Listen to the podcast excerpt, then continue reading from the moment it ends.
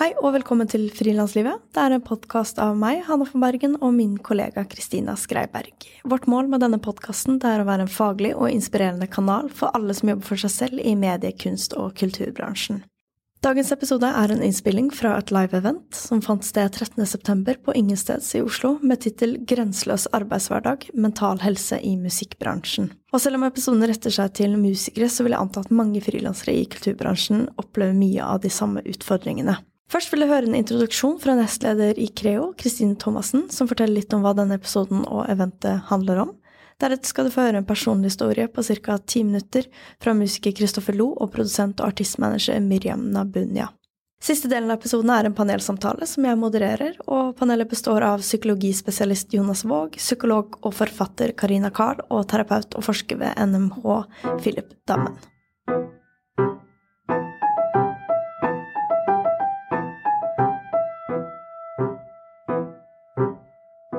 Hyggelig å se så utrolig fullpakka sal her i den fine solskinnsfylte, nesten som drivhuset vårt her.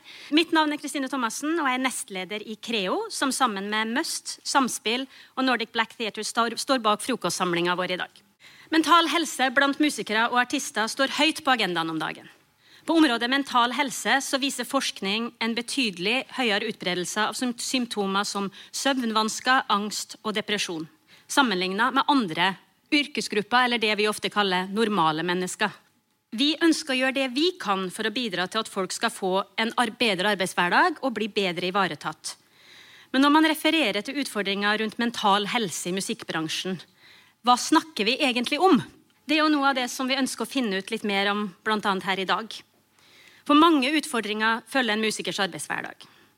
Større og større arbeidsbelastning, usikre arbeidsforhold, dårlig økonomi, mangel på trygderettigheter, krevende arbeidstider, stor konkurranse og høyt prestasjonspress. For at noen, eller bransjen, som det ofte blir referert til, skal kunne gjøre noe med problemene, må vi først finne ut av hvor skoen faktisk trykker. Og så må vi se på hvem som da har forutsetning til å gjøre noe med de ulike utfordringene vi står overfor. Så ønsker jeg dere et fint, fint arrangement sammen med oss. Takk.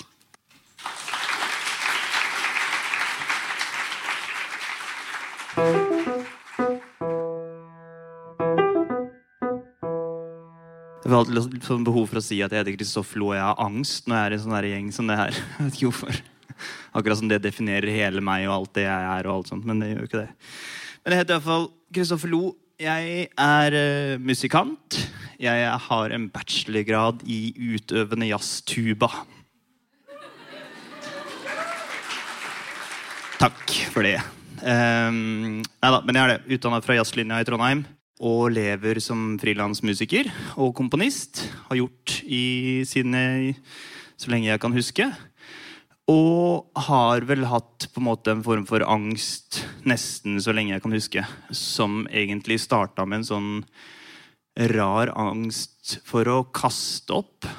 Det er liksom min sterkeste angstgreie.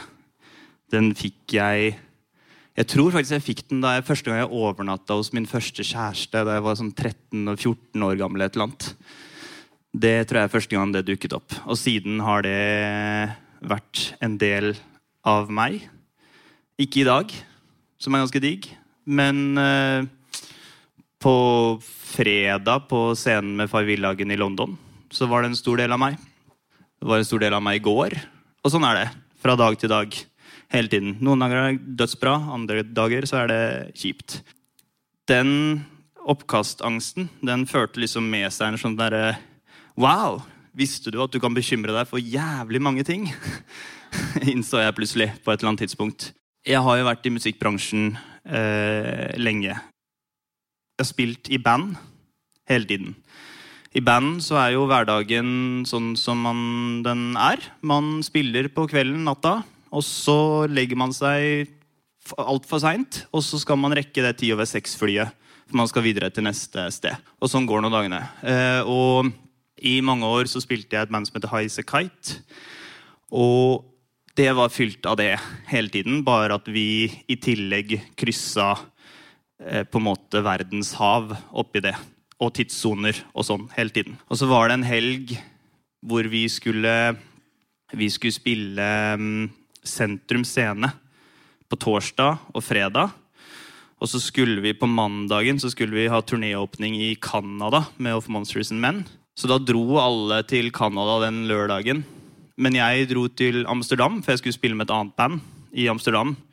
Og så skulle jeg rekke konfirmasjonen til broren til dama mi i Volda på søndagen. Så jeg dro, tok siste flyet fra Amsterdam til Volda, og så kjørte jeg på natta til Volda. og Så sov jeg i to timer, så var jeg konfirmasjon, og så kjørte jeg tilbake til Ålesund flyplass.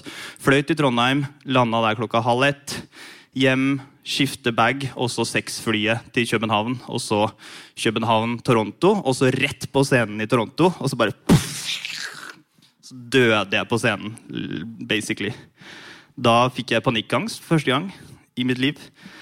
Og det vil jeg ikke min verste fiende i verden å oppleve. Da sto jeg Husker dette veldig godt. Det var i Massey Hall. 3000 mennesker. Kjempefint. Og jeg var så redd for å dø at jeg, øh, jeg sang jo ganske mye og sånn. Men det gikk ikke. Jeg sto bare på en måte sånn her, bøyd framover sånn, i 30 minutter. jeg, jeg tenkte at hvis jeg Det var en sånn greie jeg hadde utvikla når jeg spilte veldig mye tuba. For da tenkte jeg hele tiden at jeg var ofte redd for at jeg skulle svime av på scenen. Jeg har aldri hatt noen sånn sceneskrekk. Jeg syns ikke det er ubehagelig å snakke for dere. Jeg synes ikke det er noe ubehagelig å, å spille for mennesker. Jeg har ingenting å si. Samme av det. Eh, men jeg er redd for at jeg skal kaste opp nå foran dere. Det, det plager meg. Jeg er redd for at jeg skal svime av nå, f.eks. Det plager meg. Det plager meg ingenting at dere er her, på en måte, men det er den greia der. Eh, så jeg utvikla en sånn teknikk at hvis jeg en gang svimer av med 16 kilo tuba, så er det sikkert gunstigere at jeg er nærme bakken. så da sto jeg liksom bøyd framover sånn. da. Det var liksom en sånn nødløsning. Og det gjorde jeg da i, i Toronto den dagen. fordi at eh, da var det en sånn følelse som jeg aldri har vært borti før. fordi at Det var ikke det at jeg var redd for at jeg skulle kaste opp eller at jeg skulle svime av noen ting. Jeg, skulle jo dø der og da, og da var det i hvert fall greit å være i nærheten av bakken. Hvis jeg først dør, liksom, så var det sikkert greit å være i nærheten av den. Um, ja, så jeg fikk det. Uh, Øystein Skar, som spiller keyboard, han merka det. Uh, og så skulle vi begynne å rigge ned, og jeg går rett i sånn eh, bandmodus. Så skal jeg rigge alt mulig, men jeg greier jo knapt nok å puste. Så var det sånn tricky situasjon. Så Øystein tok liksom tak i meg, så dro han meg ut. Og så satte, han, satte vi oss ut på en sånn random benk i en park i Toronto. Og så drev jeg maste om at vi må tilbake og rigge. Og sånne ting, og så sa han sånn, nei faen, jeg tror du bare skal sitte her, og så skal jeg snakke, og så skal du puste. Og hver gang jeg ser at du slutter å puste, så eh, kommer jeg til å minne deg på å puste, og så skal du bare høre på mine kjedelige historier. Og Det var første gang jeg opplevde at panikkangst går over. Så etter den der vanvittige helgen der, så skulle vi på Nightliner og så skulle vi til New York. for vi skulle spille i New York dagen etterpå. Så det var kanskje greit å legge seg da, men jeg var jo så rusa, for jeg hadde kommet over mitt første panikkangst. Så jeg gikk jo ikke og la meg, drakk meg full i stedet.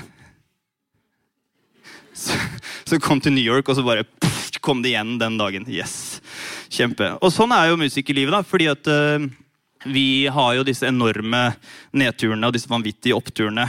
Du står opp drittidlig og er kjempetrøtt og utslitt, og alt mulig sånne ting, men så er du jo ferdig med konsert og tar deg en øl, og så er jo ting helt sånn wow! Og så går det de sinnssyke bølgedalene der hele tiden. da. Og det tærer jævlig på, rett og slett. I tillegg så oppdaget jeg på et tidspunkt at jeg ikke syns det er noe gøy å turnere. Kanskje burde ha innsett tidligere på et uh, tidspunkt. Jeg tror jeg var veldig glad i og opptatt av at det var veldig tøft å si at jeg reiste jorda rundt og spilte overalt hele tiden. Helt til jeg innså at uh, Men det er ikke så jævla viktig for meg. Og det er det som betyr mest hva som er viktig for meg. Men så er det sånn at jeg må jo overleve oss, jeg må jo spille konserter. Og jeg kan jo ikke sykemelde meg på noe tidspunkt, for jeg får jo ikke noe penger for det. Så Creo, kan dere fikse dette? Nå. Så ja. Det er min uh, historie, rett og slett.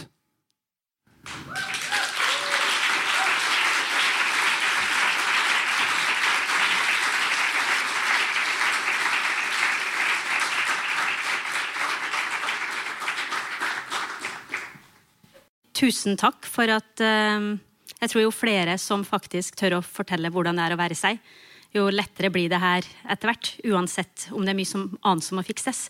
Så tusen takk, Kristoffer. Og så skal jeg bare gi ordet til vår neste gjest, Miriam Nabunya. Velkommen.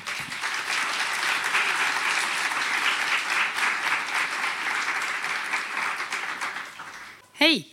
Mitt navn er Miriam Nabunya. Jeg er en kulturentreprenør, produsent og artistmanager. Jobbar med väldigt många up and coming artister, så ni har säkert inte hört om dem. Eh, och eh, jag har lite övermedels stor glädje och stolthet i det jag gör, men också i vårt fält. För att jag har alltid sett oss som lite så här undercover leverantörer av glädje. Folk ser oss, men ändå inte. Um, men før alt det der så startet jeg min første um, innom hotell og restaurangledelse. Uh, jeg jag var 15 år så fikk jeg jobb som servitris på, på en restaurang Og innom et år så var jeg daglig leder der. Og det var ikke laglig arbeidsmiljølagmessig, men jeg har alltid vært bra å prate for meg selv. Og også fokusere på, det, på lösningen istället för problemet. Så när jag började jobba med kultur i Oslo i 2010 så var min læringskurve veldig bratt, men også det matade mitt det där som jag alltid haft om obegränsad arbetskapacitet. För jag har alltid tänkt att man får ju, allt går ju. Alltså när jag jobbade som daglig ledare så var jag ju fortfarande inne i mitt første år på videregående og det gikk jo å balansere. Alt går jo.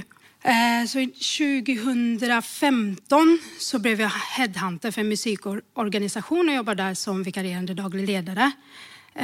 samtidig som da jeg hadde redan jobbat i to år som manager.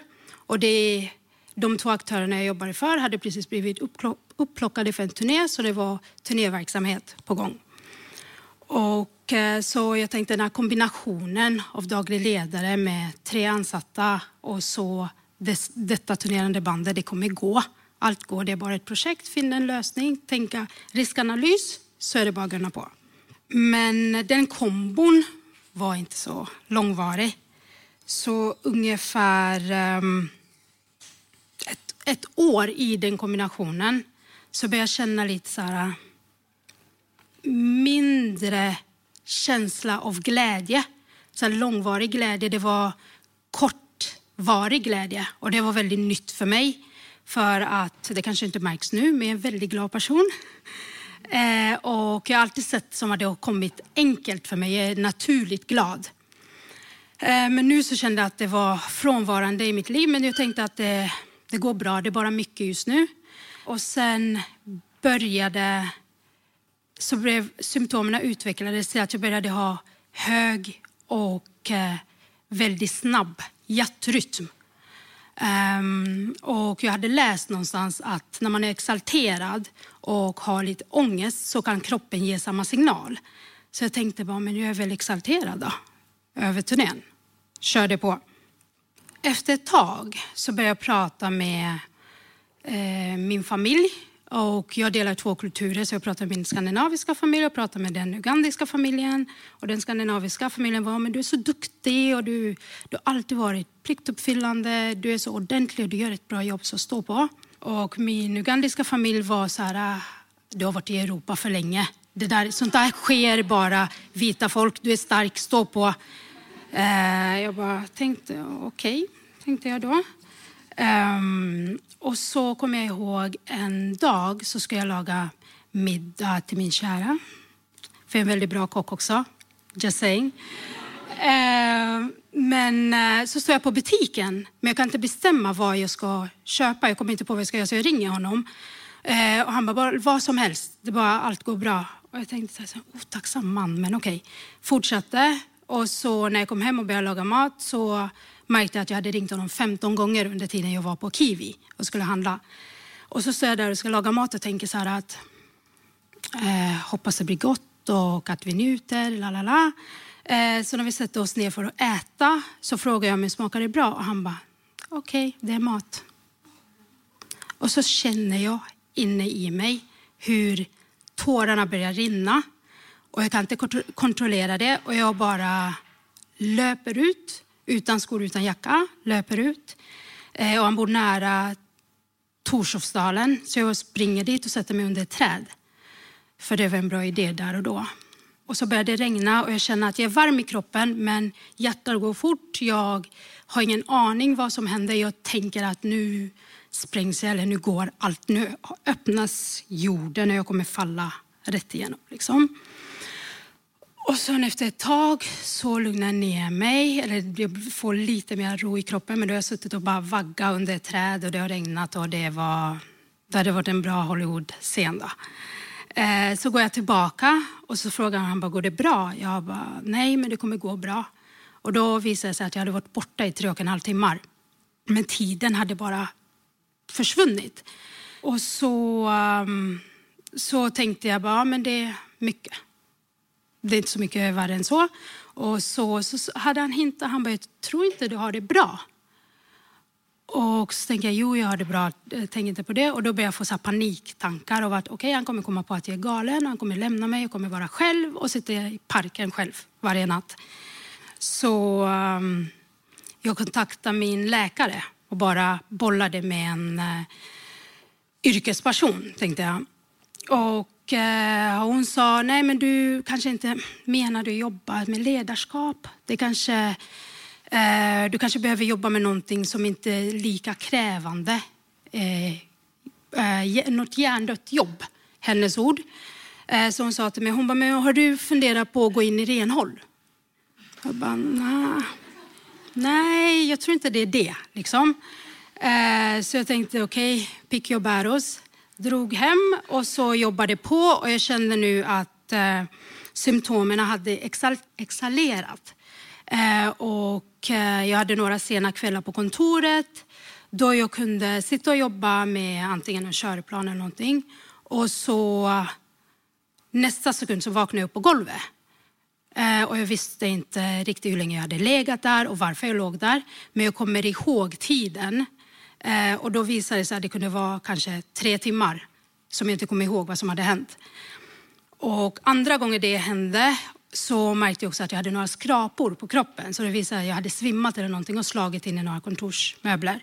Så då sökte jag till min läkare igen och berättade om det här. Och då sa hon, hon bara, ja, det är inte bra, det är ikke lurt att jobba sent. Jag bara, nej, det är det inte. Eh, och då var hon så här, hon jo men har du funderat på å kanskje ta ferie? Vi var mitt i en turné. Jeg driver mitt eget företag. Det var, nej. Så hun sa, hon bara, jo men sov mera. Jag tänkte, okej. Okay. Jag sov ju. Eh, men jag visste inte att, att sova tre till fyra timmar per natt i två, tre år skulle leda till att kroppen inte skulle åka mer. Jag tänkte bara det är tillfälligt. Och så gick det, sånn gikk det. Och så um, efter ett tag så började jag känna att uh, jag kunde stå på jobbet och jobba. Så tappade jag känseln i halva ansiktet. Och då tog jag bara en promenad för jag tänkte jag hade suttit framför datorn för länge. Eh, kontaktade min läkare igen. Och då sa hon, hon bara, ja men det tyder ju på utmattelse men du, du jobbar ju med moroting. Det kan inte, det går inte, det, bringar glädje. Det går inte. Jag tänkte, ja, det är väl det vi gjør da. Det kan ikke være så illa. Um, men så jag jobbar med, kan ikke du få prata med noen, da? Du, Altså ikke være sånn, men du er bare en fastlege. Kan jeg få prata med en psykolog eller noe? Og hun bare nei, men det går bra. Jo, så hon skrev ut en liste på 15 personer som jeg skulle kontakta og berette om min historie og se hvem som skulle ta inn meg. Uh, og uh, etter å ha pratet med några olika eh, psykologer så vissa sa att nej men oh, nej, utmatt, nej det, det, är ett stort projekt, det ring nästa på listan. Gick igenom listan och ingen hade tid eller intresse. Så gick jag tillbaka till min läkare och vid den här, i det här stadiet så kände jag att jag höll på att bli galen. Jag klarade inte att se på skärmen utan att jag fick det prickade i ansiktet. Jag eh, klarade inte... Jag sov, men jag var inte utvilad. Och eh, ja, det här jag hade läst om. Jag sökte upp, försökte läsa och finna okay, vad är det här för något.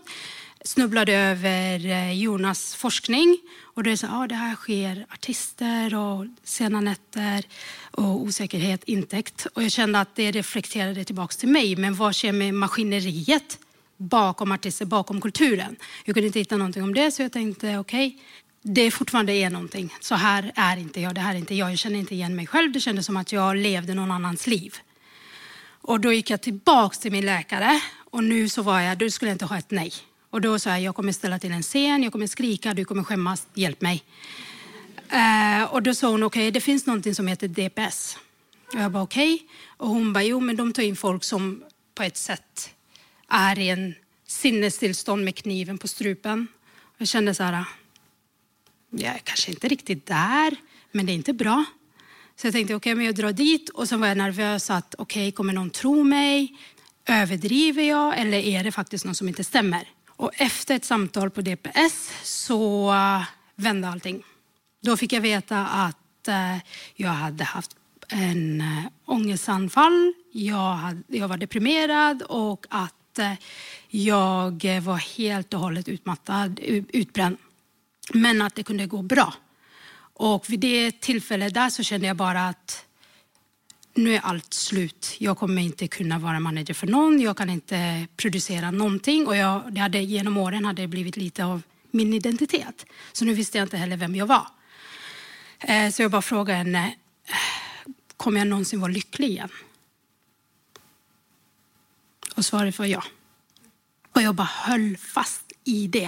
For alt annet utover den timen jeg hadde der, var bare skit egentlig. Så uh, uh, under mine samtal der, og jeg ble bedre og bedre, så har jeg fråga, börjat frågasätta uh, om det er noe jeg kunne gjort bedre. Er det noe mitt fält vi kunde ha gjort bättre? Är det någonting som har att göra med vårt tänk om att kosta vad kosta vill? så ska vi genomföra ting. Eh, för vi har ju den, det ryktet i fältet då, att vi kan skapa stora saker utav väldigt lite. Eh, så jag tänkte att om jag någonsin blir glad och blir mig själv igen så ska jag prata om det här och så ska jag försöka ändra våra tänk för vi är inte robotar. Antingen om vi står på scenen, bakom scenen eller bara ja, undercover-leverantörer av eh, glädje så är vi också människor. Tack.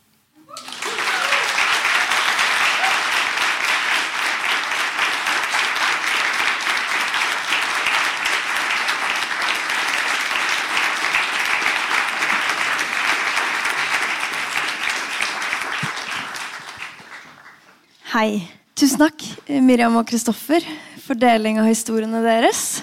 Og jeg ser frem imot den neste timen og få lov til å utforske videre hvor skoen trykker, sammen med Karina Carl og Jonas Våg og Philip Dammen. Karina Carl hun er psykolog og forfatter. Hun brenner for å gjøre kunnskap om psykologi tilgjengelig for folk flest, og for arbeidslivet spesielt.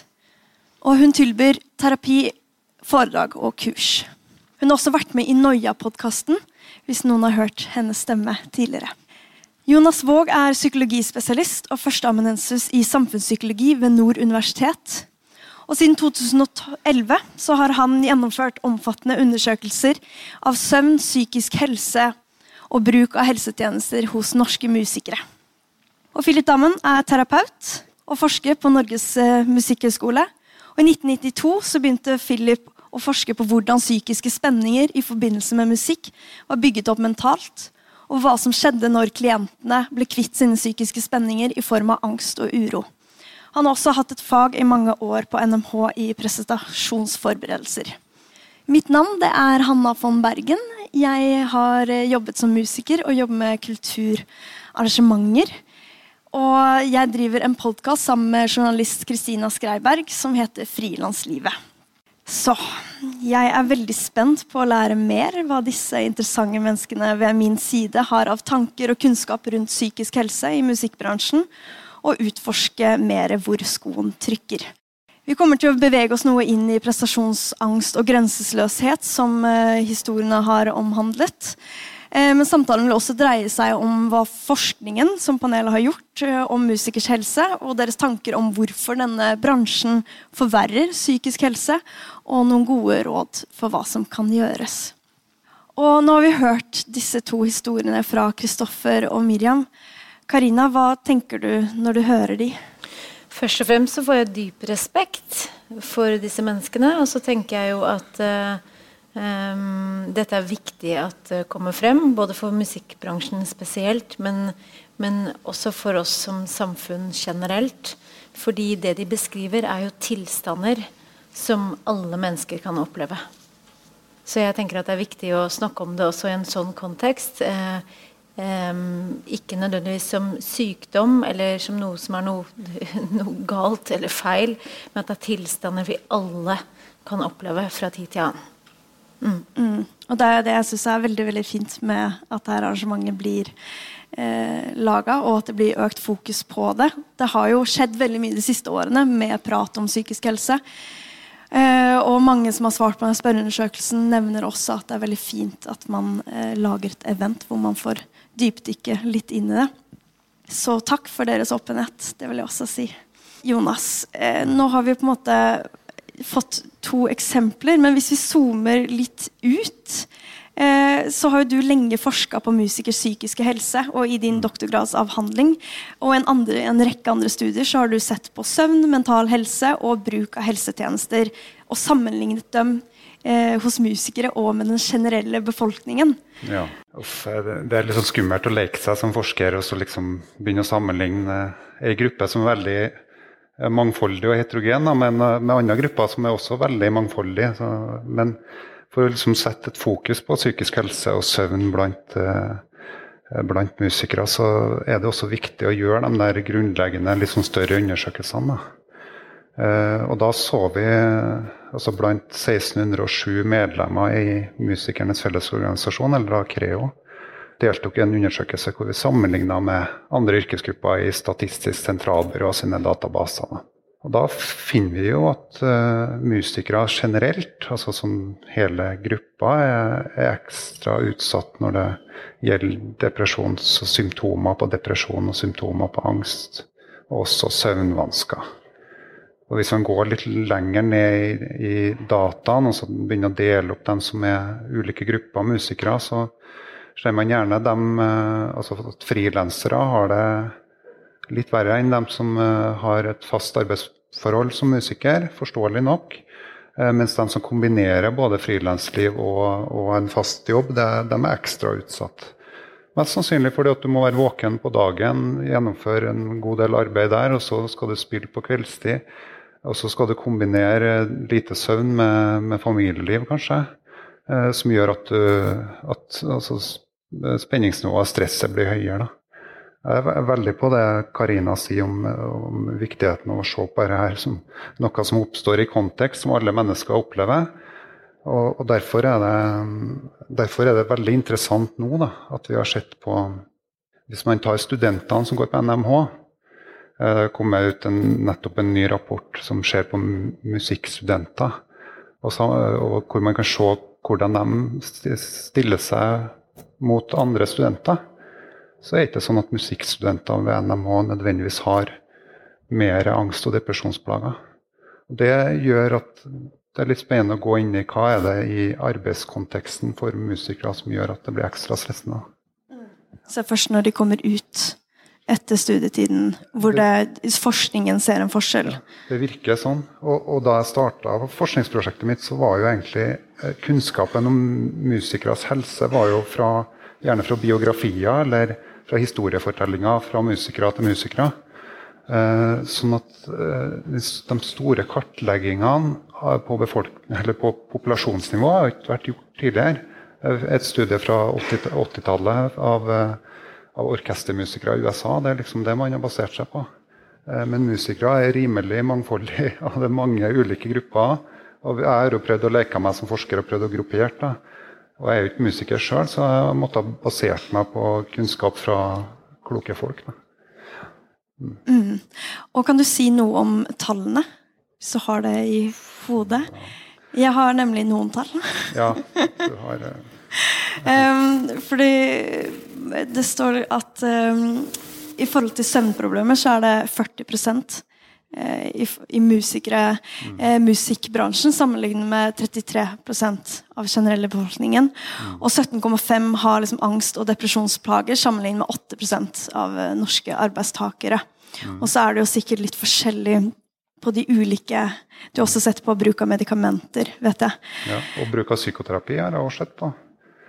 Og musikere bruker ikke altså Sammenligna med symptomtrykket, så bruker musikere samme graden av psykoterapi, f.eks. som sammenligna med hvor mye symptomer de har. Da. Så det er ikke sånn at altså Musikere søker helsehjelp for, for utfordringene sine, dem òg. Uh, og, og, litt av tanken var jo at kanskje man ikke søkte helsehjelp, men det gjør man. Uh, men man søker helsehjelp i form av samtaleterapi i stedet for medikamenter. medikamenter er altså psykofarmaka. Det, det, bruker man i mindre grad. Det er jo litt sånn skremmende tall på et vis, men, men, det er også tall som det er viktig å ta på alvor, som kanskje er et uttrykk for Eh, for et rom det, altså et, et, mulighetsrom av ting man kan endre på i, eh, i, konteksten for dem som driver med musikk. Jeg tenker at Man må tenke konstruktivt om de tallene, og ikke nødvendigvis ta utgangspunkt i at, eh, i at dette her er et Du er kjørt hvis du havner i musikkbransjen, liksom. Det vil ikke Ja, det er en kjip takeaway, hvis det mm. ja. hadde vært tilfellet. For, for, det er jo typiske hvis media ringer og hører, så vil de jo ha, blæse opp de tallene. Eh, men det viktigste er at eh, de tallene skal gjøre at vi gjør noe. At de ikke skal bare eh, kaste bensin på bålet rundt, rundt noe som er utfordrende i utgangspunktet. Mm. Og nevner, nevner her med studenter, som var overraskende at det var likt. Og i forhold til um, um, det her med bruk av uh, psykoterapi eh, i forhold til medikamenter. Er det noen andre ting som du kanskje trodde eh, som forskningen motbeviste? Eller noen overraskende funn? Eh, ja, vi har sett på bruk av alternative helsetjenester. Det, det, er sånn, det, er et vanskelig landskap å bevege seg inn i. Da, for du, når du skal da forske, så må du definere noe fra, som alternativ helsetjenester, noe som ikke er. Så det er sånn betent Eh, fordi at Både innenfor idrett og innenfor musikk så, så er det litt sånn at uh, man bruker annen type helsetjenester enn er, det som vi normale som jobber i, i kontorarbeid, sånn som meg. Uh, så, så da, da, handler det kanskje mer om tilgjengelighet og folk som har inngående kunnskap i hva det vil være å være en som jobber innenfor musikk eller kultur. Og man søker gjerne dem som har kontekstuell forståelse, kontra dem som, kontra dem som har medisinsk forståelse. Da, på et vis. Noen er jo så heldige at de har kombinasjonen, mens noen ikke har det. Og Derfor er det jo en vesentlig høyere forekomst av bruk av alternative helsetjenester. Men det har også en kobling til at hvis man er open to experience, altså hvis man har det personlighetstrekket at man også er åpne, åpen for nye erfaringer, eh, også litt eh, idérik av seg og kunstnerisk av seg, eh, så har man også en tendens til å bruke mer sånne type tjenester. Det er også mm. en ting jeg har sett på personligheten hos musikere. Hva er det som skiller personligheten hos musikere fra andre? Ja, ikke sant? Og det tenker jeg at jeg skal komme ja, tilbake til eh, eh, veldig snart. Og det hadde vært interessant å se på det her med bruk av alternative helsetjenester, om det kommer fordi, sånn som Miriam nevnte, så var det veldig lite hjelp å få fra fastlegen. Og da kan det jo være at man søker alternativer. Eh, og så kan det også være at man føler at det passer en bedre. Så det vet jeg ikke om eh, man har kommet så langt til å begynne å se på eh, hvorfor. Nei, men eh, jeg, jeg, tror nok at det, er en, det kan være vanskelig for en fastlege som ikke har vært innom musikken sjøl, å se for seg Eh, den arbeidshverdagen eh, som man har, som både Kristoffer og Miriam snakka om. egentlig, den, det, det, at du har fullstendig altså Mye ansvar for eget, ditt eget karriere, karriereløp. Pluss at du, altså, man opplever jo ikke det som et karriereløp heller. Sant? Det er masse ulike eh, ting man må takke ja til å være med på. Så skal man kombinere og sjonglere det alt på, på, samme tid. Så skal man prøve å få litt søvn midt inni der, og så skal man også prestere på et høyt nivå. Det skal man ikke glemme. Også, en fastlege går ikke ut på en scene nødvendigvis ikke. Noen av dem gjør det, men veldig få. Eh, det samme med en forsker òg. Jeg kan gjemme meg på kontoret mitt og så kan jeg la være å møte opp her. og det, det Men takk for at du gjør det. og det er derfor mange forskere er, eh, Nei, oi, nå beveger jeg meg inn.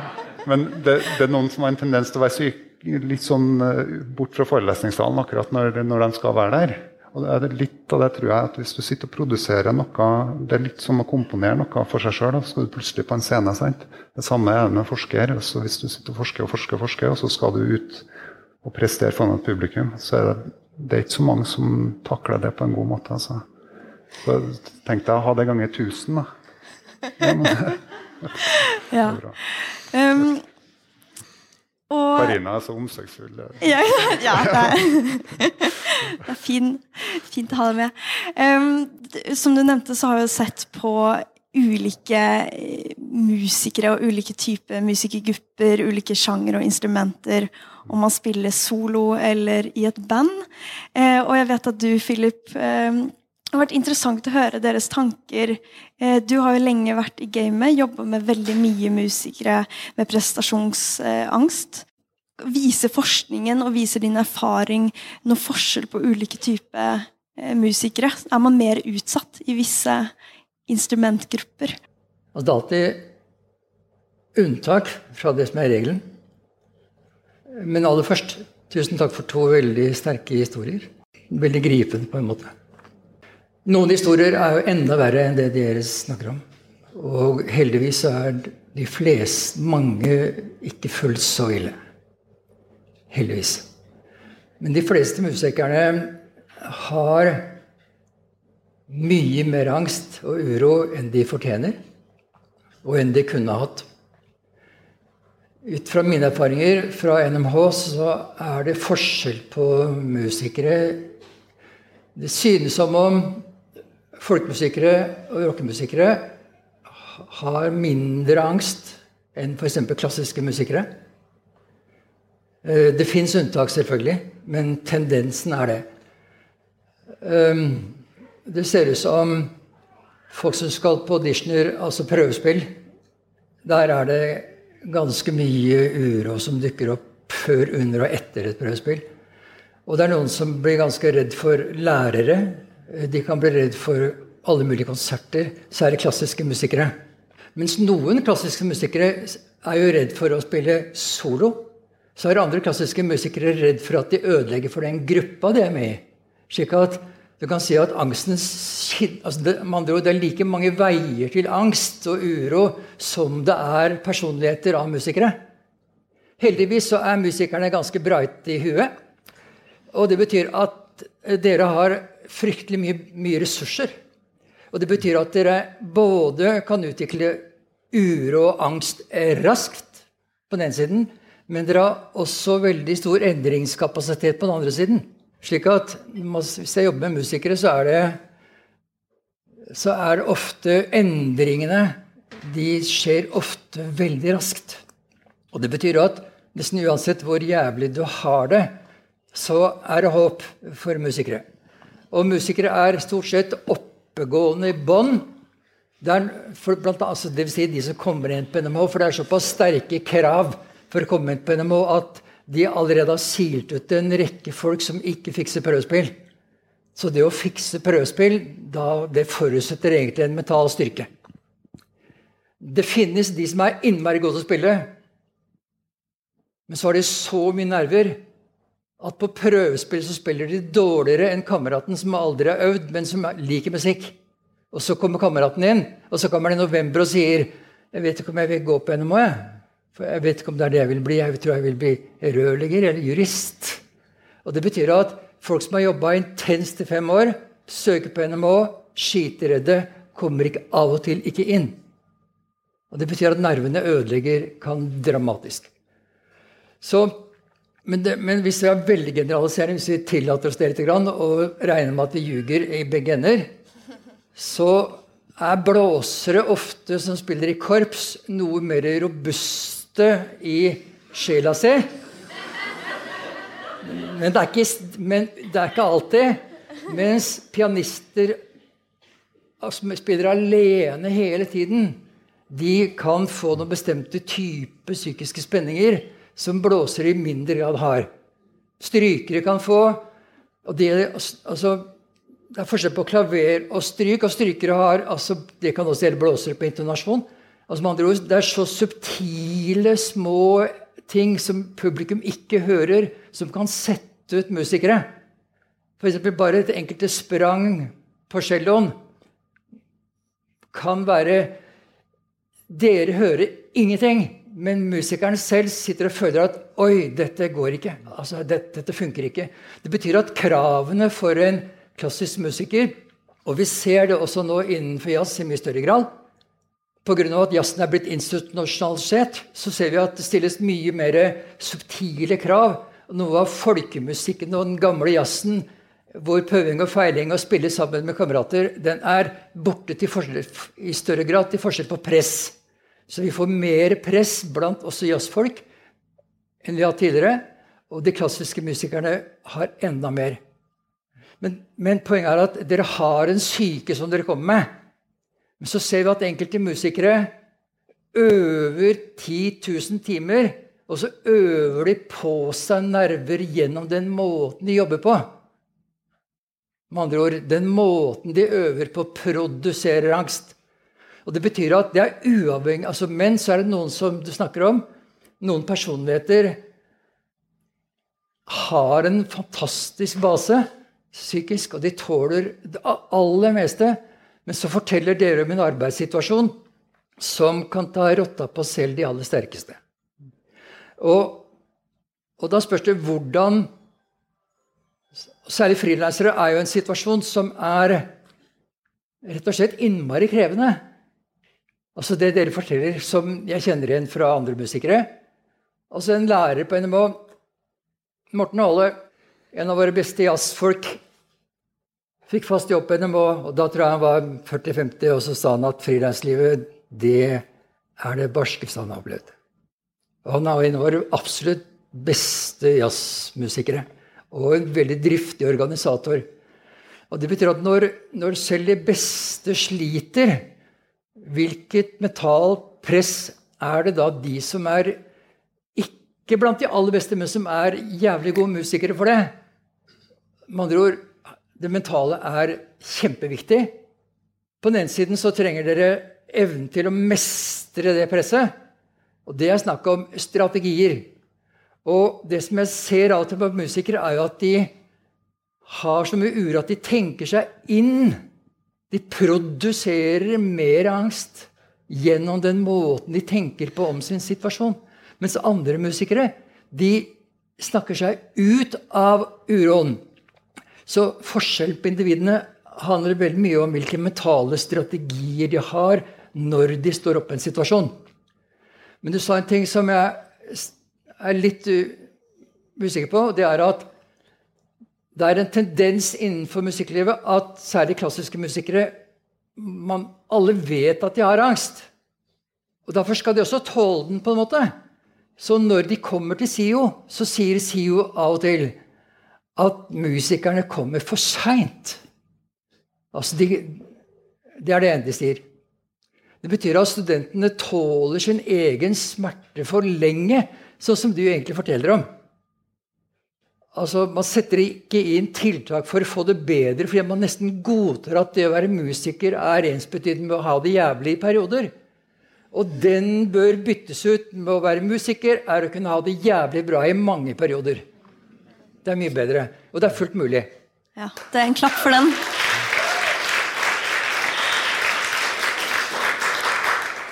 Det her er superinteressant og veldig gode, gode tanker. Eh, Philip, har du, du, har jo sett litt på det her med ulike eh, musikergrupper. Har du lyst til å fortelle litt hva forskningen sier?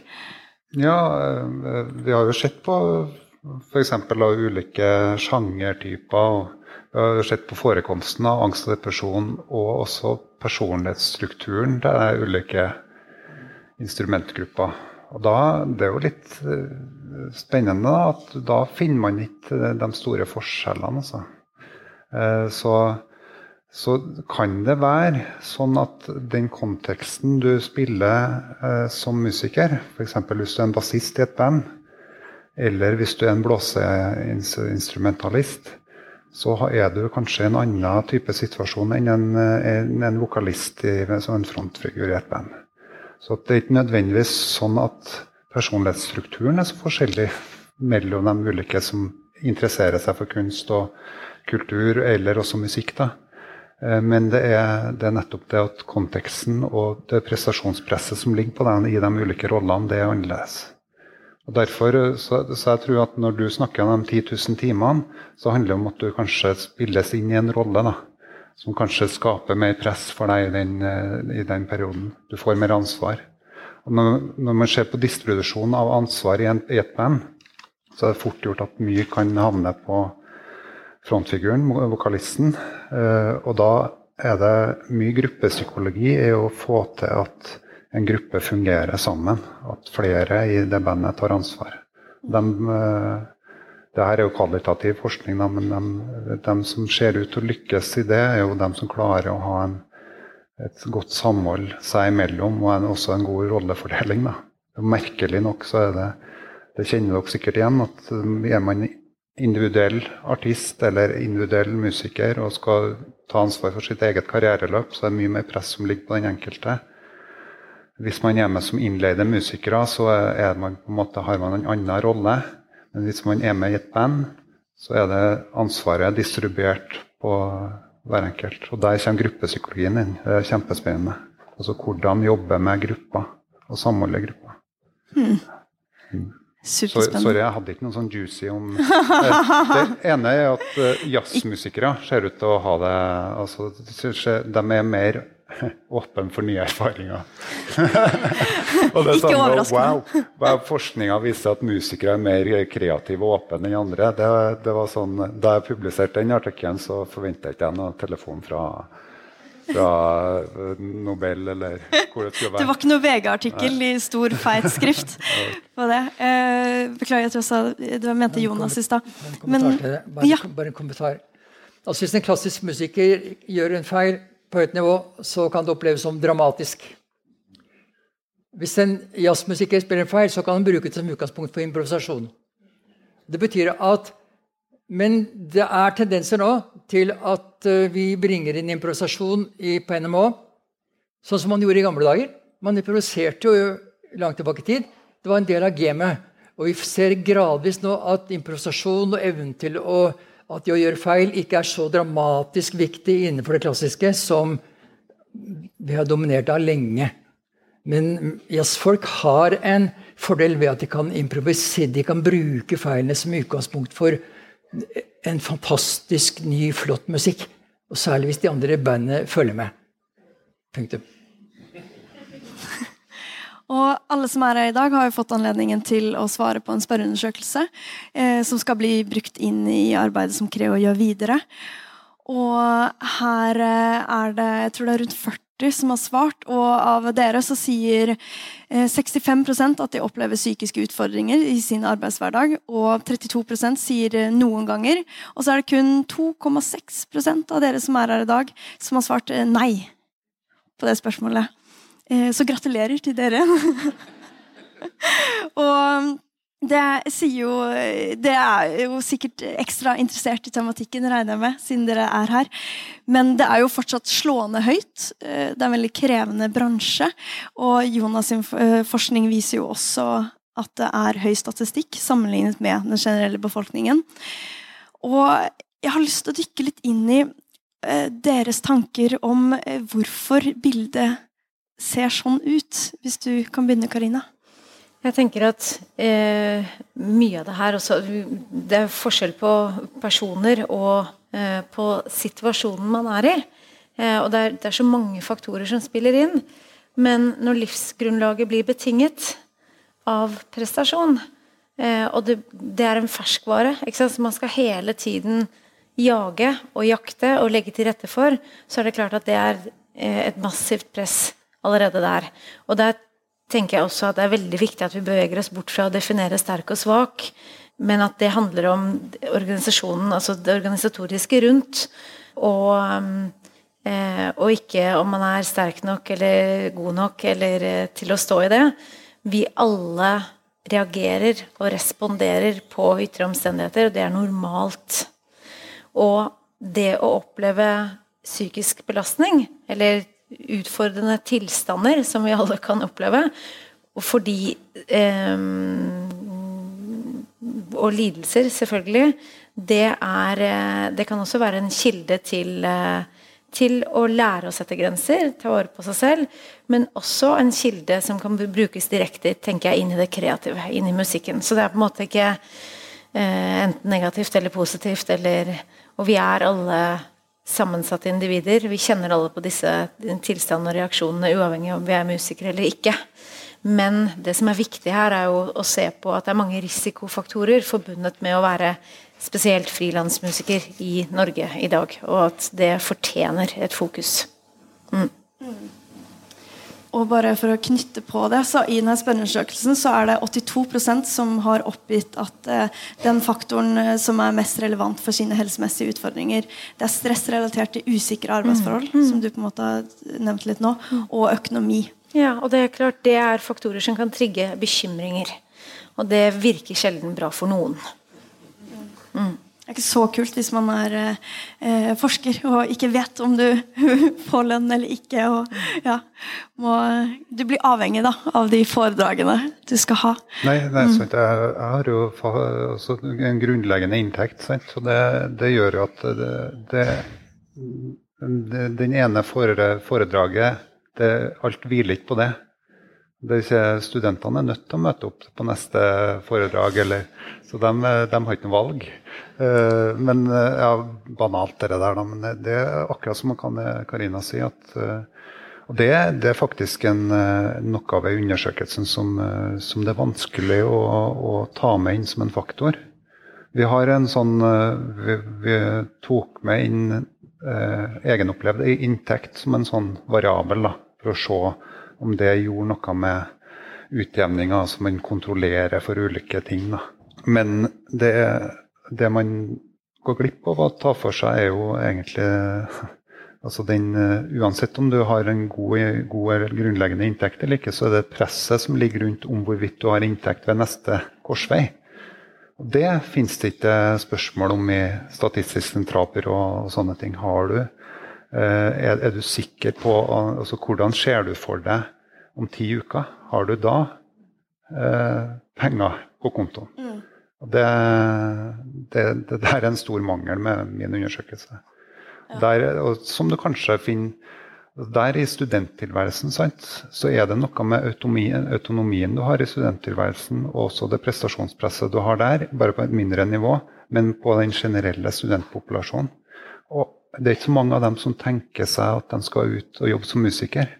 Så Grunnen til at det er såpass høyt forekommende blant studenter med høy autonomi og stor innvirkning på sin egen hverdag og høyt prestasjonspress det er relativt, er jo kanskje at grunnen til at de opplever høy grad av angst og depresjon, handler nettopp om at de er i en lignende type situasjon som kanskje musikeren etter at man er ferdigutdanna, eller hvis man starter rett som frilanser, man har den livssituasjonen ganske lenge da, som frilanser.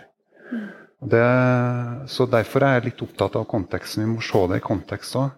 Og sterk og svak er, der er Uh, man skal bort fra den type forståelse av det, og heller tenke at dette er en ekstra utfordrende situasjon. så man må, uh, altså Det å bli robust til å stå i den handler mer om å få verktøy og ressurser til å støtte til å takle.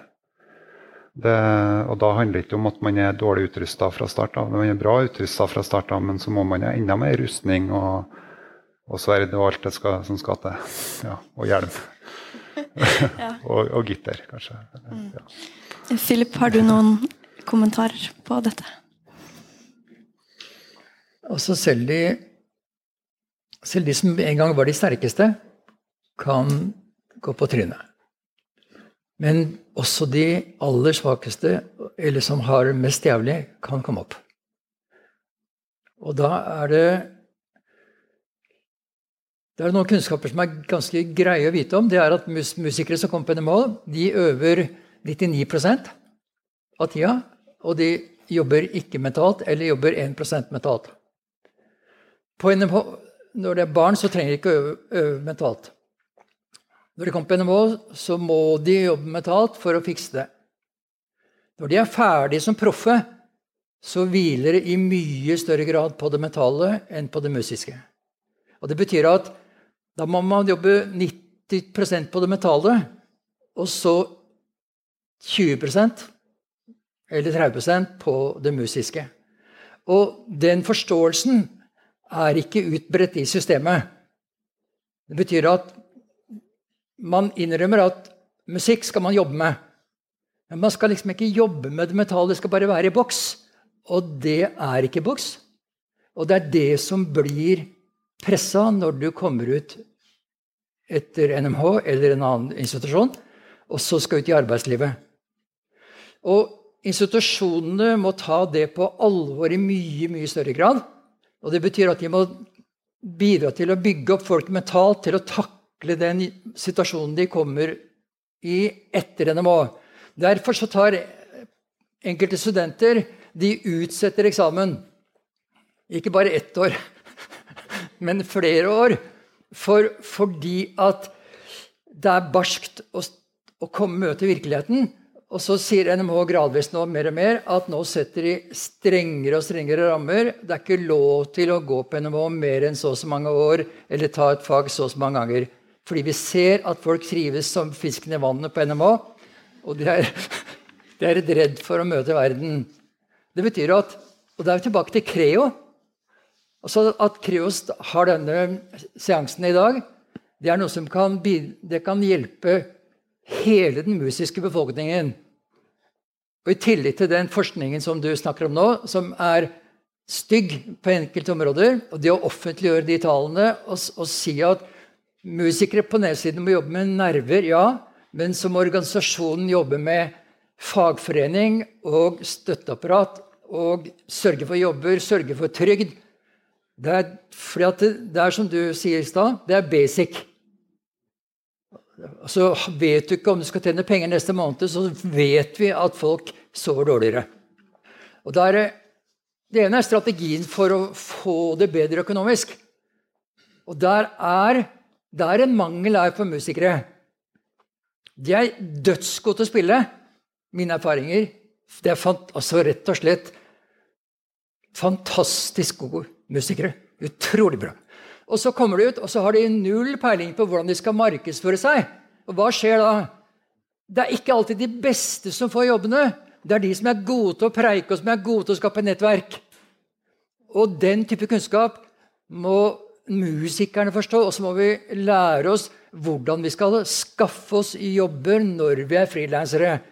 For der ute i verden, med næringsliv, jubileer, folk som blir gamle, gifter seg, dør osv. Det er masse behov for Altså Begravelser er den sterkeste arbeidsgiveren vi har. Slik at vi er nødt til å skolere folk på alle de mulighetene det er for å tjene penger på musikk, og de er langt, langt større enn dere drømmer om. Det er snakk om hvordan vi tenker. Fokuserer vi på kvalitet på instrumentet, eller fokuserer vi på det liv vi skal leve i ettertid? Utdanningen må gjøre det i større grad, og Creo er inne på et innmari bra spor ved å invitere dere hit.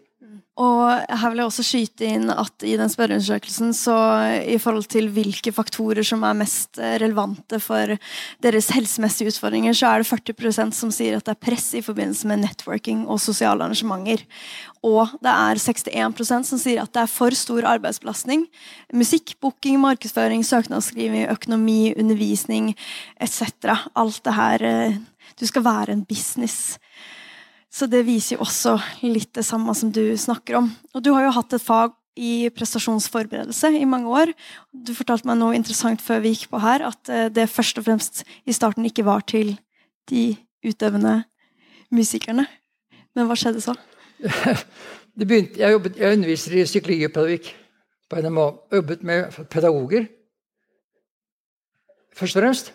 Og begynte, og de var opptatt av hvordan skal de undervise, hvordan skal de mestre elever. Men så ble utøverne så interessert at de tok over faget. Så pedagogene fikk det ikke, men de trenger det, de òg. Det er noen holdninger ute og går.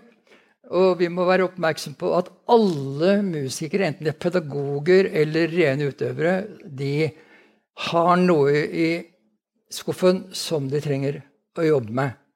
Det som er også viktig, er at, de, at dere går og prater med folk. Innmari viktig. Men når man prater tidlig ikke, ikke, altså ikke og tenk at jeg fortjener kanskje ikke å snakke med, for jeg har det egentlig ikke så jævlig. Helt feil.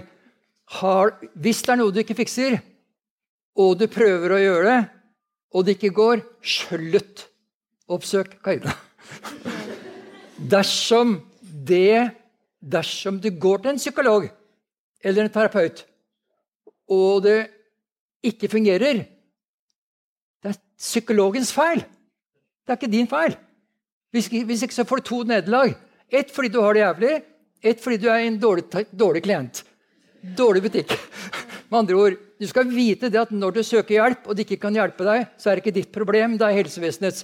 Jeg blir jo sjokkert over den legen som du av en eller annen rar grunn går til gang på gang og får de samme type svarene. Én gang er nok. Oppsøk folk som er ålreit, som kan hjelpe. En annen ting, Mange av dere snakker om livet til hverandre. Da har vi to muligheter. Én kommer til en person og lytter og forteller om hele sjela si og livet sitt og ender opp gråtende. En annen går til en annen person og snakker om livet sitt og sjela si og ender opp med mer energi. Legg merke til hvilke samtaler dere har som gjør at dere kommer ut, og hvilke samtaler som gjør at dere går ned med stil, eller med tragedien. Husk at dere er med på å skape den psykiske tilstanden som dere har. Selv om Creo har et enormt ansvar, og psykologene kan gjøre masse bra. Og her også var det Et av spørsmålene i spørreundersøkelsen som var hvis du kunne endre noe, hva tenker du burde forbedres i bransjen? Eh, og jeg vil gjerne lese opp et av svarene, som eh, var at selve mentaliteten i bransjen Jeg opplever at alle skal klare seg selv og ikke klage på noe.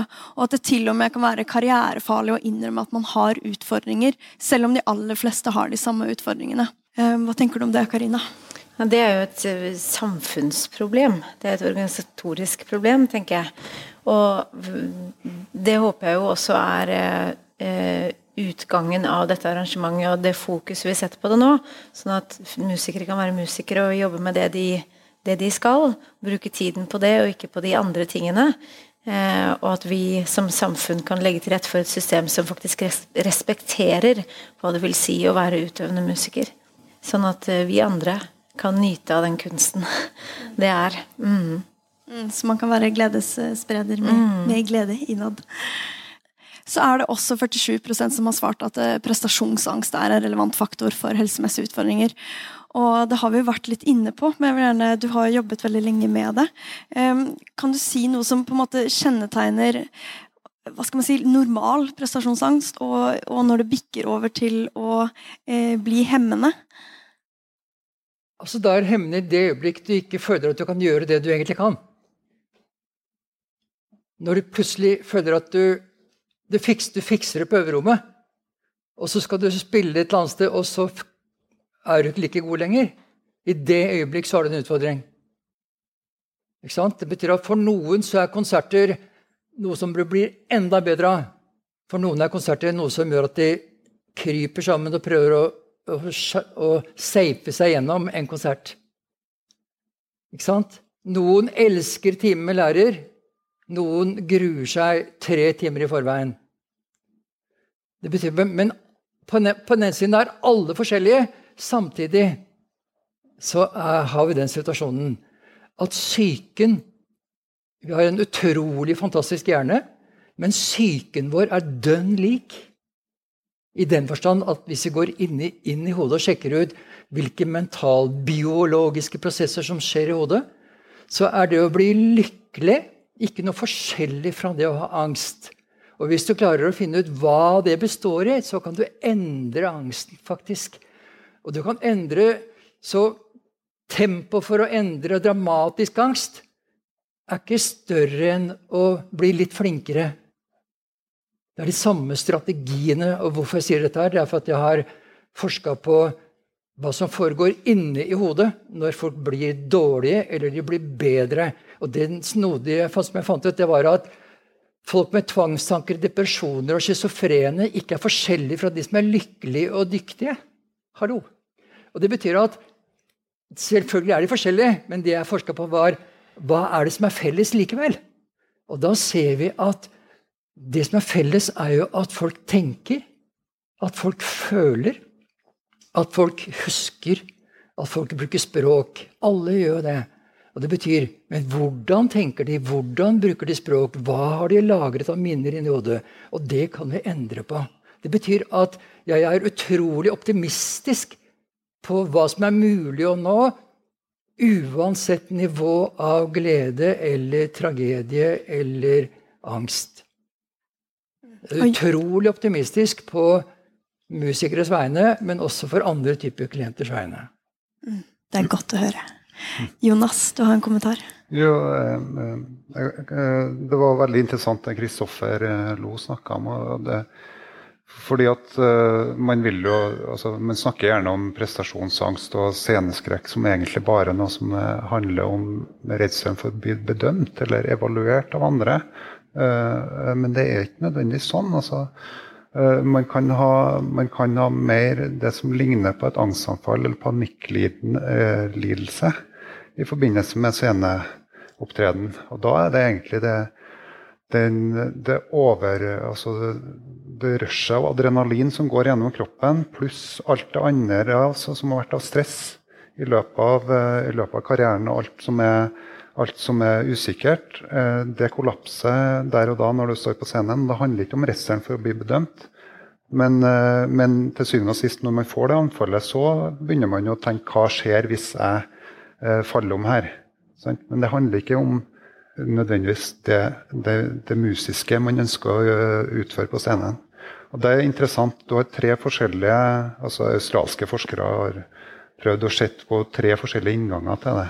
Det ene er dem som er klassisk mer sånn sosial fobi-aktig. Redselen for å bli dømt, at andre kanskje dømmer deg nord. Det andre er eh, opplevelsen av det kroppslige når du står på scenen, og redselen for å kollapse. Og det tredje er uh, enn hvis jeg spiller feil. Eller uh, altså det er mer opphengte i det musiske, hvis det blir noe feil med det musiske. Klassiske musikeren har kanskje mer av det. Uh, mens den som har opplevd et anfall på scenen, vil være redd for å stå på scenen igjen.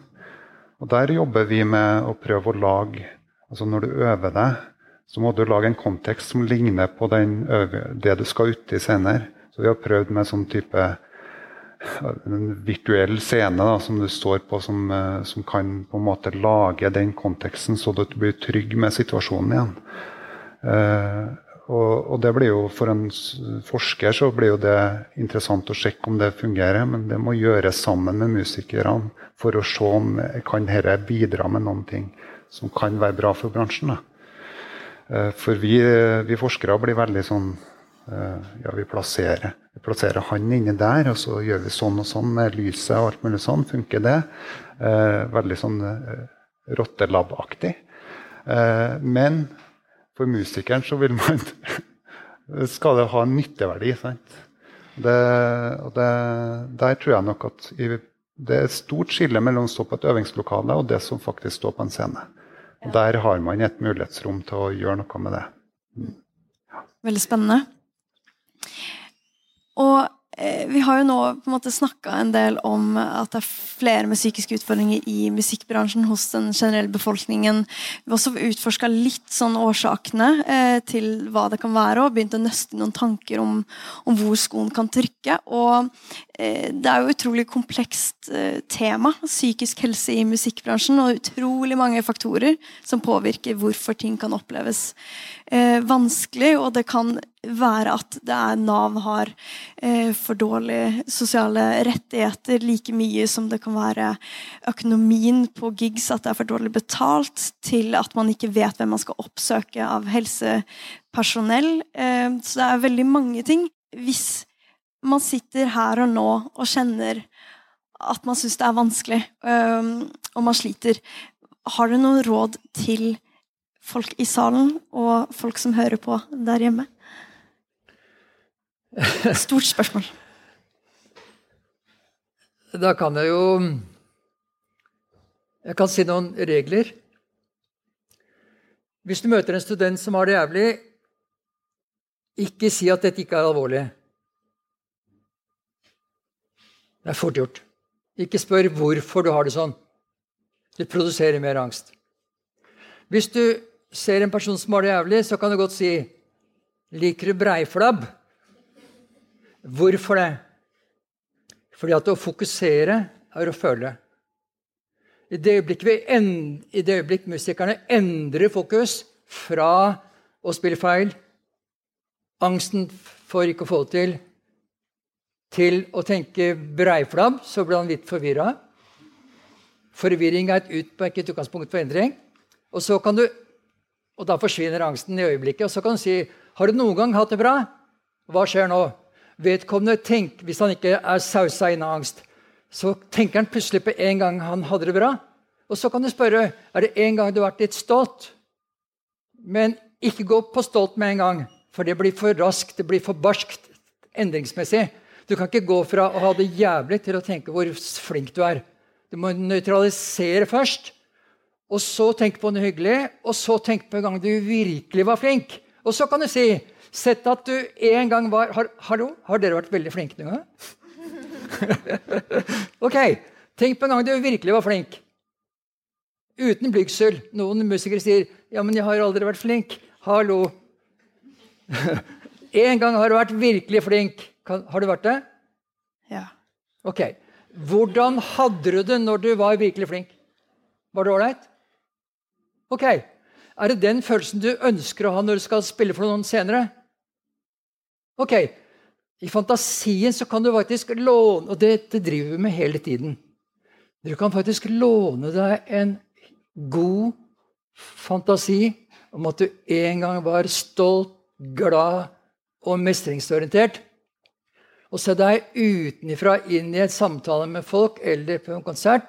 Og så kan du faktisk låne deg en utrygg følelse inn i en fremtidig situasjon så kan du faktisk påvirke deg i fremtiden når du kommer til den situasjonen. Da har du et snev av den gode følelsen av stolthet som du en gang hadde. Og Hvis du er innmari usikker veldig ofte, så er spørsmålet Vet du hva du heter? Hallo? Vet dere hva dere heter? Helt sikkert? Er du dønn sikker på det? Ok. Kjenn på den sikkerheten som at du vet hva du heter. Hva skjer nå? Hvis, hvis, dere er en klient, så kan jeg korrigere underveis, men det kan jeg ikke. Så får de kontakt med den sikkerheten om at de vet hva det heter. Men hvis du spør en musiker om han er sikker, så har de så store ambisjoner og så store at de føler seg usikre per definisjon. Noen, ikke alle. Noen er kjempesikre. Men hvis jeg spør om de vet hva det heter, så ser de rart på meg og tenker at du er litt rar. Men så får de kontakt med sikkerheten sin. Og så kan de låne seg den sikkerheten inn i konsert. Sett at du hadde spilt med den sikkerheten på, at du visste hva du het, og at du visste at det ville gå bra. Så skjer det en endring mentalt. Hvorfor det? Da får vi to historier. En gammel, begredelig en stappa full av angst, og en som er positiv, fylt med mestring. De konkurrerer da må vi svekke den dårlige, det er fullt mulig, og så kan vi forsterke den gode. Og nå kan det være veldig bra å prate med deg. det, betyr at, det betyr at hjernen er Hvorfor er hjernen, hvorfor er psyken vår så kjapp? Fordi at vi har 130 milliarder celler. Og hver av de cellene har 10 000 cirka, mellom 5 og 20 000 utløpere. Og tempo per signal går 120 meter i sekundet. Da kan dere regne ut hvor mye hjernen kan få til. Vi er nødt til å ha en sånn hjerne for å kunne reagere raskt. for ikke å bli påkjørt, og for å mestre en konsert. Det betyr du kan få store endringer i løpet av kort tid, for du har en så utrolig bra hjerne. Men det er greit å ha noen ålreite folk å snakke sammen med. Mm. Heia, okay. heia, hjernen, sier bare eh, Karina, du har jo jobba veldig mye med ulike typer mennesker. Mm. Folk med lettere psykiske lidelser, og jobba mye med fortolkning av signaler. Kan du mm. fortelle litt eh, eh, hva slags råd du vil gi? Jeg tenker jo Det handler veldig mye om det. Meningen man tillegger det man erfarer. Eh, ofte i større grad enn det man faktisk erfarer i seg selv. Eh, og eh, hvis det ikke hadde virket å jobbe med psyken, eller hvis ikke Sinn hadde hatt en utrolig kapasitet, så hadde jeg hatt en veldig, veldig lite motiverende jobb. Eh, det finnes teknikker, det finnes hjelp, og du er inne på noe veldig viktig. Det å eh, oppsøke hjelp, ta seg selv på alvor. Fordi at øh, jeg også opplever at det er mange som kommer og sier at 'jeg vet ikke om jeg kan være her', 'jeg vet ikke om jeg fortjener øh, tiden din'. Og det, musiker eller ikke-musiker, uansett, det er kjempeviktig. Hvis du har et behov, og la terskelen være lav, det tenker jeg er viktig. Og det kan gå så langt som at det blir et problem, men det kan også være en forebyggende eller investering i å utforske, vokse, lære med et positivt fortegn. Mm. Så jeg tenker at det er masse potensial der i å lære å fortolke og lære strategier for å håndtere det som skjer, hva enn man er ute for. Det finnes, og det går an. For alle. Mm. Mm. Jonas, nå har jo du sett ja. mest på hvordan er eh, bildet, hva sier statistikken, men har du noen tanker du vil eh, slenge inn i uh, nei, men også en, uh, en, hyggelig bieffekt. Jeg har jobba som psykolog i, på et DPS i ti år. Plutselig så begynte jo musikere å søke seg til, til det DPS-et langt ute i Nord-Trøndelag, der jeg holdt det. Og det fordi at de trodde at jeg kunne noe om det, og så falt uh, forventningene etter hvert. De fant ut at jeg ikke hadde jobba som musiker sjøl, men jeg, jeg visste liksom litt av utfordringene. Og det, det jeg merker eh, Hvis man skal liksom ta grupper, altså folk som jobber som frilansmusikere, eh, så, er det, så er det kanskje spesielt eh, altså, Siden man hele tida er pressa på både Det er et konkurransepress her òg, som man kanskje ikke snakker så høyt om. da Eh, som gjør at det er vanskelig altså Det er hele tida en vektbalanse mellom å være raus og det å oppleve konkurranse. Som er vanskelig altså, eh, Man kommer jo egentlig veldig langt med å være raus, men når, når også rausheten handler om at neste spillejobb, så er det vi to som konkurrerer om den. Eh, og det, det, gjør at man hele tida bærer på Likevel bærer på det ansvaret sjøl. Selv om man har lyst til å distribuere rundt. Så jeg, jeg skjønner godt at man da ønsker å, noen å prate med. Gjerne hvis man har et godt sikkerhetsnett med et vennenettverk som ikke nødvendigvis er, eh, er konkurrerende musikere. Eller kanskje også har et familienettverk da, rundt seg. Så det er sunt. Eller at man også da har en enighet med de kollegaene man har om at eh, vi skal ta vare på hverandre, vi, vi skal være rause med hverandre. Det, det, har jeg veldig trua på. Fordi at uh, skaper, Klarer man å ha kollegaer som også kan være ens venner, så kommer man langt. Noe annet jeg merka da jeg snakka med en del frilansmusikere i forbindelse med den første artikkelen min, for da ville jeg finne ut hvordan var det å jobbe som frilansmusiker, så er det gjerne det at uh, veldig mange kommer tilbake til hvorfor starta jeg som musiker i utgangspunktet. Hvorfor starta jeg med musikk? Og hvis man finner tak i det de gangene man står i fortvilelsen, den nysgjerrigheten, den lekenheten som ligger i det å holde på med musikk, i utgangspunktet, uh, det er viktig å finne tak i. Det er egentlig det man søker i psykoterapi òg. Egentlig en nysgjerrighet, en lekenhet eh, kobla til indre opplevelser. Hvis man får tak i den samme måten man kan leke seg med musikken, eh, så kommer man langt. Det er når, når leken plutselig blir alvor, sånn som når man blir frilansmusiker, eller når plutselig tankene og følelsene plutselig blir alvorlige. Det er da det blir problematisk. Så vi må komme tilbake til lekenheten igjen. Jeg er veldig fan av en TV-serie som et eh, barne-TV-serie som het 'Fraglene' da jeg var liten. Og da var det Det er unge folk her, da, men da var det, var det en, en, fragle som var sendt ut i verden. Altså Fraglene bodde inni et fjell. Eh, hvor de da ikke turte å bevege seg utafor. For hvis de bevegde seg utafor, så var det et skummelt monster som het søppeldynga. Eh, og noen gorger som liksom skulle slå i hjel de fraglene. Men det var én som var sendt enda lenger ut. Han het onkel Reisende Mac. Onkel Resnemek han, eh, han betrakta verden på en veldig nysgjerrig måte. Han tok ikke ting for gitt i det hele tatt. Han gikk rundt og sa at mennesker er så rare. De, de, plukker opp ting på gata og så legger de det ned i kasse. Eller noen ganger så tar de, tar de og skriver noe på noe, og så tar de det nedi et brev, og så poster de det, og så legger de det i en eh, postkasse. Eller de for, uh, står i kø før de skal på bussen. Alt mulig sånn. da. Som ting tar, folk tar for gitt. Men den nysgjerrigheten, lekenheten, er egentlig det man ønsker i psykoterapi. Man skal ikke frykte det som skjer inni hodet, man skal ikke frykte de følelsene som oppstår. Man gjør det i utgangspunktet, men hvis man da etter hvert klarer å erkjenne, ha det der, og også finne tak i det som er viktig, som man ønsker å, øh, å trosse det, da. Sånn som onkel Reisende Mac da han dro fra fjellet og ut til verden, og så begynte å se verden på en annen måte. Det er mye god psykisk helse i uh, å forstå noen av de grunnleggende mekanismene som, som, man nettopp slipper å bli redd. Og for det er den fortolkningen av symptomer som ofte kan være Eller av egne tanker eh, som kan være det mest belastende. Og så tenker jeg at det er noen grunnleggende eh, strukturelle forhold da, eh, for oss mennesker som ofte virker. Én eh, ting er det organisatoriske og hvordan det er tilrettelagt for musikere. Men en annen ting er hvordan man ivaretar seg selv og livsførsel. Og veldig mange har godt av å ha en viss hverdagsstruktur, f.eks. Som kan være vanskeligere utfordrende å, å um, ha i en musiker, eller som frilansutøvende uh, musiker. Um, men så er det noen sånne uh, rettesnorer man kanskje kan finne for seg selv, da, som er viktig for en selv, som gjør at man opprettholder en, en viss base eller har det godt. Og vi alle trenger søvn og mat, og vi alle de aller fleste av oss har godt av å ha en viss form for struktur og balanse mellom hvile og aktivitet. og og egentid kontra tid med andre mennesker og tid vi er på.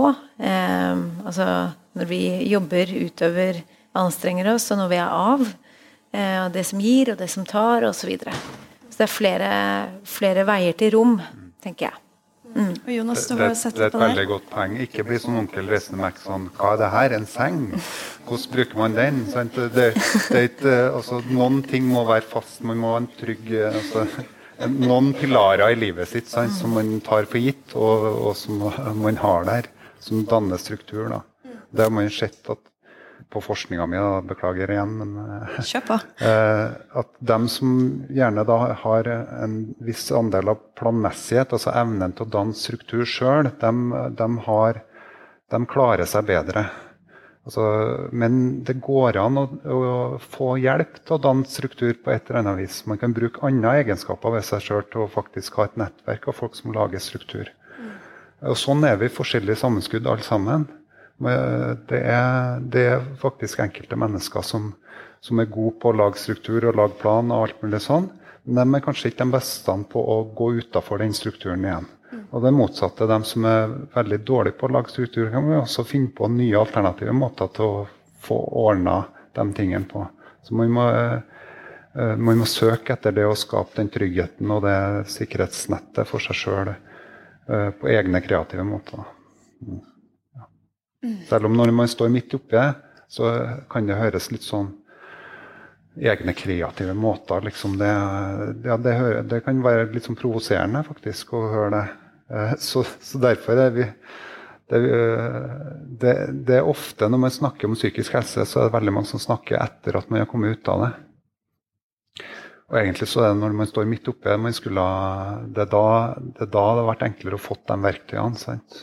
Så mye handler om andre personer som kommer inn i livet og er med og hjelper, og er med og hjelper fokuset i den perioden. Så gjennom, kanskje det viktigste er å være trygg på noen som gjør at man klarer å si at hør her, jeg trenger litt hjelp nå. Eh, åpne seg eller, eller søke en eller annen ny, ny erfaring. Da. Vi trenger hverandre. Det er også et annet fellestrekk vi trenger å være en del av, og vi trenger å høre til. Eh, og vi har alle noe som heter skam, som gjør at vi som skaper avstand. Det vi er redd for at andre skal vite om oss eller eh, tenke om oss. Eh, og derfor er det så viktig å sette ord på det man er aller mest redd for å si, men man skal velge med omhu hvem man inviterer inn i det innerste rommet, hvem som får æren av å få høre det budskapet som eh, og det næreste man har, da, det man er aller mest redd for. Så det skal være mennesker man har tillit til, og som, som verner om det budskapet og møter en med respekt. Mm. Vi skal begynne å runde av, men uh, du ville ha en siste kommentar? Bare et sånn enkeltips. Sett, sett at det går innmari dårlig. Mange har opplevd det. Så begynner andre, folk å tenke på hvor, hvorfor gikk det så dårlig. Slutt med det. Ikke still hvorfor-spørsmål når det går dårlig. Dere graver i møkk og får mer. Men du kan gjøre en annen ting. Du kan si, Uansett hvor dårlig det gikk, så kan du si Sett at det var noe der som faktisk fungerte likevel. Hva var det? Jeg sa i stad at å fokusere er å føle. I det øyeblikket at du legger merke til, selv om du har vært skitnervøs, selv om hvis du fokuserer på hva var det du faktisk fikk til når du var der, så oppdager du at det var noe du fikk til. Og i det øyeblikket at du oppdager at det er noe du har fått til, så får du en bedre følelse. Og hvis du i tillegg spør Sett at det beste jeg hadde fått til der, fortsatt i fremtiden, så er du i ferd med å skape en bedre fremtid. Hvis du tenker at du i bunn og grunn er en ganske ålreit person, at det er din basis uansett hva som skjer i verden, så har du et ønske om å bidra til noe ålreit i musikk eller i en relasjon eller et annet. Selve det at du er en person som ønsker å få det litt ålreit, det er en kvalitet. Det betyr hvis du fokuserer på de kvalitetene som du faktisk har, så får du mindre psykiske belastninger. Og det vi ser av og til, er at folk som blir veldig triste og lei seg, de slutter på en måte å tenke over alle de hyggelige tingene i livet. Og så vokser alt det andre altfor lenge uten at du sier ifra. Det betyr du må bryte det mønsteret. Depressive er folk som hele tiden oppdager det som gikk dårlig i sitt tidligere liv. De som blir mindre depressive, det er de som finner ut hva var det jeg fikk til uansett, enten det gikk innmari bra eller det gikk innmari dårlig. Og, og hvis det går bra, så kan du si 'Hvorfor klarte jeg det?' Da får du mer av bra-følelsen. Hvis det gikk dårlig, spør aldri hvorfor det gikk dårlig. Men du kan heller si sett at det, sett at det er magisk. Sett at Sett at ordet er hypnose. Så hvis du sier Sett at den konserten eller det møtet eller den relasjonen faktisk hadde gått innmari bra. Hva hadde jeg oppdaget da? Sett at spørsmål fjerner nemlig barrierer og nei-signaler mot at det ikke er mulig. Ikke spør øh, kan du forestille deg at du har det bra. Da sier noen nei, det kan jeg ikke, for jeg er deprimert. Hvis du sier sett at du hadde hatt det bra, hva hadde skjedd med deg? Så er det noen som protesterer på den også. Men hvis du fortsetter, så begynner folk å fantasere hvordan det hadde vært dersom de hadde vært tryggere, snillere, fått det til, dyktigere. Og hva gjør da? Da skaper de nye minner. Og de minnene de fortsetter etter at, etter at den indre samtalen er over. Det betyr du må behandle andre med respekt, men du må behandle deg sjøl med respekt. Du er en person som er verdt å ha det ok. Og det må du skjønne. For enkelte studenter kommer og forteller at hvis jeg, jeg jobber med dem, og så, og så føler de plutselig at de er blitt gode musikere. Men så sier enkelte da Det kjennes ikke helt bra ut. Hvorfor det? Så svarer enkelte da ble jeg så blærete. Hallo! Med andre ord, enkelte av oss tåler ikke vår egen dyktighet og suksess. Og, skal, og, Det betyr at du må begynne å tåle deg som det fantastiske personen du er. Og det er basic. Det blir sett at spørsmålet er magisk. Fokuser på det du faktisk fikk til, uansett hvor jævlig det var. Sett at det fantes en løsning et eller annet sted. Hva, hvordan hadde du hatt det dersom livet fungerte som det skulle, uansett om du hadde dårlig økonomi eller ikke visste hva du skulle gjøre neste uke? Ok. Tusen takk. Det er veldig fine ord, eh, også for min del, å sitte her og ta til meg. Jeg var utrolig nervøs på morgenen i dag og slet skikkelig med at jeg skulle gå opp og gjøre det her. Eh, som min kjæreste fikk oppleve. Litt grining og angst. Eh, så jeg er veldig glad for at dere så, har så mye fint å komme med og er så fine å jobbe med. Tusen, tusen takk, Karina og Jonas og Philip.